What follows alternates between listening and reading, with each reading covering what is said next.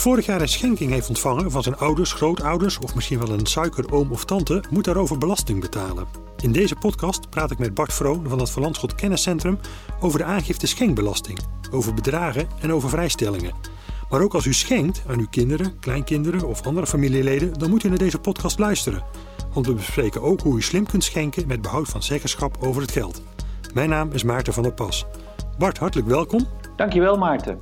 En Bart, als ik het eigenlijk even goed begrijp, dan hebben we in het voorjaar altijd twee belastingdeadlines. Hè? Natuurlijk op 1 mei, dan moeten we aangifte inkomstenbelasting hebben gedaan.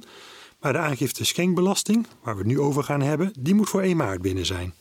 Juist, daar is ook een inleveringstermijn voor. Die moet op 1 maart worden ingediend. En dat kan uh, op papier, maar dat kan ook uh, online worden gedaan. Ja, dat is duidelijk. En moet nou eigenlijk iedereen die een schenking heeft ontvangen zo'n aangifte indienen?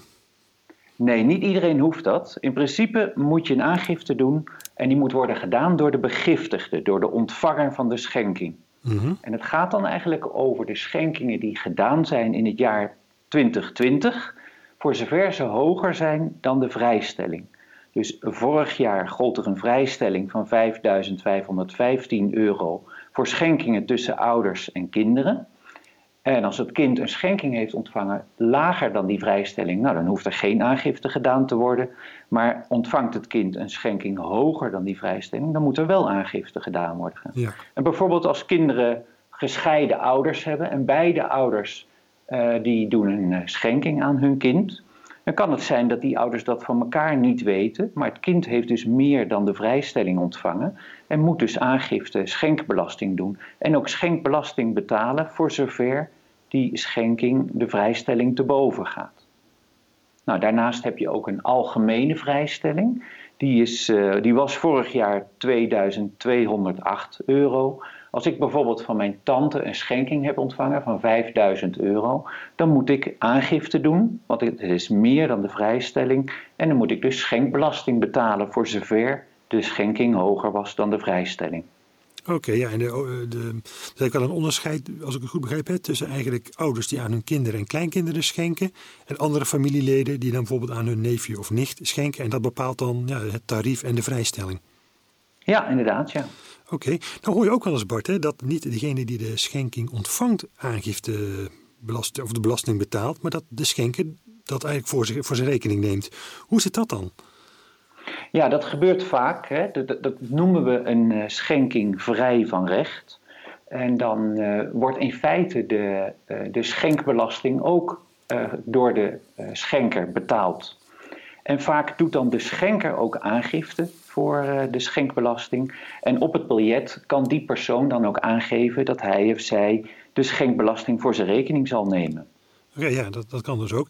En nu heb ik ook in iedere podcast wel eens gehad over de zogenoemde jubelton. Hè? Een schenking van ouders aan hun kind voor een eigen woning. Uh, die valt dan toch ook onder de vrijstelling? Want dat is wel een groter bedrag, hè? dat is 105.000 euro. Ja, juist. Dus het, is, het valt onder de vrijstelling. Maar bij een jubelton daar gelden wat extra regels. Want je moet namelijk echt een beroep doen op die vrijstelling. En dat doe je in de aangifte. En bijvoorbeeld als de schenker ervoor kiest om uh, die jubelton in drie termijnen te betalen, mhm. dan uh, moet in, de, in het eerste jaar van het doen van die schenking uh, moet een beroep worden gedaan op die vrijstelling. En de Belastingdienst houdt dan bij of je binnen dat bedrag blijft. En als je erboven, erboven komt, dan zal er toch wat schenkbelasting verschuldigd zijn voor zover de vrijstelling wordt overschreden. Ja, en als we dan toch hebben hè, over ouders die iets voor een kind doen, dan komt het bij klanten van Van Landschot ook wel voor dat uh, ouders hè, een studie of een dure particuliere school voor een kind betalen. Is dat dan eigenlijk ook een schenking en waarover je aangifte moet doen?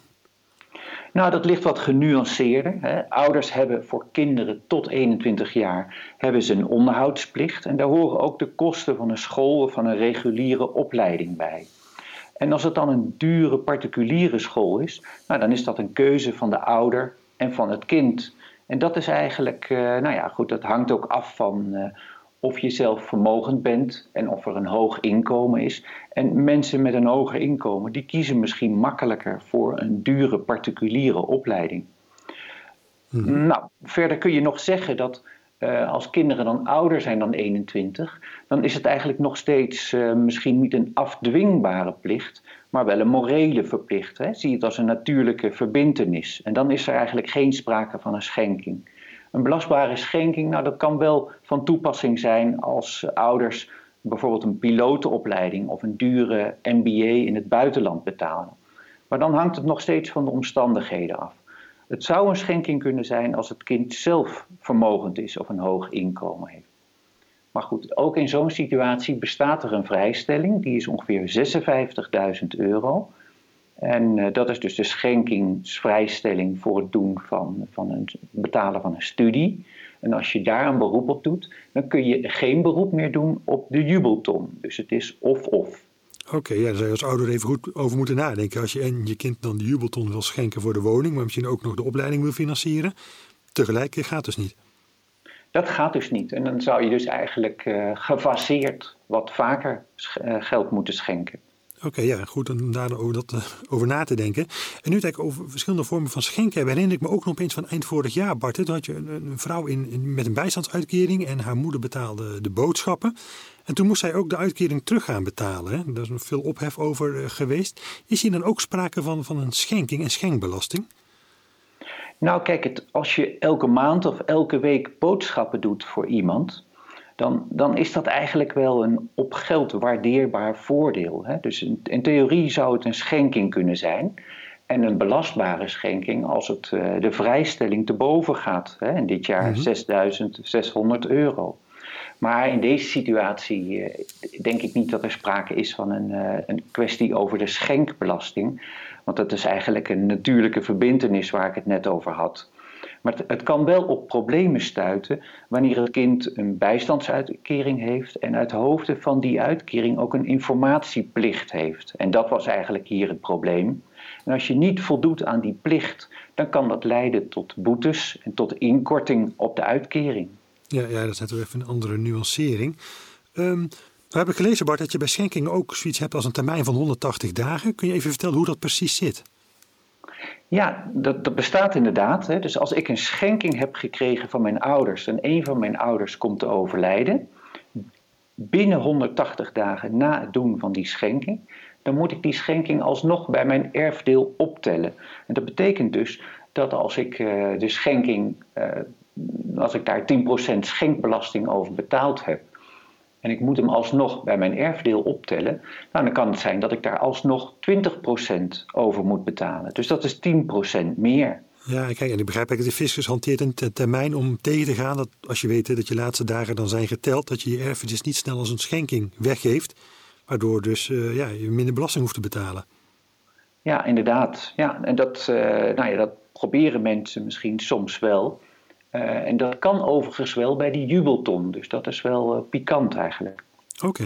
Nou, daarnaast heb je ook oh. wel situaties dat als bijvoorbeeld ouders in gemeenschappelijke goederen zijn gehuwd. Nou, dan is het eigenlijk slim om de schenking te laten doen door de ouder met de hoogste levensverwachting. En dan zou je dus kunnen zeggen, de schenking is ontrokken aan het vermogen van die ouder. Maar er mhm. zijn wel rechters die daar uh, verschillend naar kijken. De ene rechter die zegt ik kijk naar de persoon van de schenker. Wie heeft er geschonken? Maar er zijn ook rechters die zeggen nou het is uit de gemeenschap gekomen. Dus eigenlijk is die 180 dagen van toepassing op de helft van de schenking. Dus je moet je wel goed laten informeren als dat gebeurt. Ja, dat is wel interessant. Daar is dus geen eensluidende jurisprudentie over. Nee, geen eensluidende jurisprudentie, dat klopt. Ja. Nu las ik ook uh, even dit jaar ook weer hè, dat de overheid in verband met de coronacrisis de vrijstelling voor schenkingen eh, eenmalig heeft verhoogd. Kun je even toelichten met hoeveel en hoe dat dan met zijn werk gaat? Ja, dus het gaat om een eenmalige verhoging, alleen voor dit kalenderjaar 2021. En de vrijstelling van ouder tot kind is dus met 1000 euro verhoogd. En die is dus dit jaar 6604 euro. En voor de overige schenkingen is de vrijstelling verhoogd tot 3244. Volgend jaar is die schenking dus weer, die vrijstelling dus weer 1000 euro lager. En andere vrijstellingen, zoals bijvoorbeeld de jubelton, die zijn alleen geïndexeerd. Dus de jubelton is dit jaar 105.302 euro. Oké, maar we spreken hier vooral ook over de aangifte schenkbelasting over het jaar 2020. En toen was die vrijstelling, of die verhoging in ieder geval ook nog niet, hè? Nee, toen was die verhoging van 1000 euro er nog niet. Nee. Oké, nou dat is goed om, om te weten. En, en even wat anders, Bart. In welke vormen zou je, zie jij nou in je praktijk vaak uh, voorkomen, de schenkingsvormen? Nou, in onze praktijk zie je drie verschijningsvormen. En we kijken altijd wel met de klant mee of zij het geld echt wel kunnen missen. Want een eh, schenking kan toch een flinke impact hebben op je eigen financiële planning. En je wilt later niet van eh, de begiftigde afhankelijk worden. Ja. Nou, een eerste vorm is de jubelton, hè, waar we het eerder over hadden. Ouders schenken een bedrag in contanten en zodoende hoeft het kind minder geld te lenen voor de eigen woning. Een tweede vorm is ook een schenking in contanten, maar dan bijvoorbeeld onder bewind, bijvoorbeeld tot de leeftijd van 25 jaar. Bij Verlandschot hebben we daar een akte voor, dus je hoeft niet naar de notaris toe. En in die akte staan ook de gebruikelijke schenkingsvoorwaarden. Ook bijvoorbeeld ter bescherming tegen echtscheiding. Door die overboeking van het geld komt het geld op eh, de rekening van een kind en daar kan bijvoorbeeld een beleggingsdepot aan worden gekoppeld. En de ouders zijn dan de bewindvoerder en zij kunnen het beleggingsbeleid bepalen. En zij kunnen ook zeggen wanneer dat bewind wordt opgeheven. Oké. En, ja, en op die manier kunnen ouders eigenlijk gefaseerd kinderen geld schenken, zodat zij een eigen vermogen opbouwen. En als zij op een gegeven moment een eigen woning willen kopen, dan hebben ze wat eigen vermogen. Ja, en ouders kunnen dan ook eigenlijk zelf bepalen wanneer het kind de beschikking krijgt over het geld. Inderdaad, ja. En, en soms uh, gaat het om studenten die wel uh, nou, tegen verleidingen aanlopen, in, uh, zodat ze bijvoorbeeld het geld zouden willen besteden. En dat kun je dan voorkomen. Ja. Nou, een derde vorm is de notariële schenking. We zeggen ook wel de schenking op papier.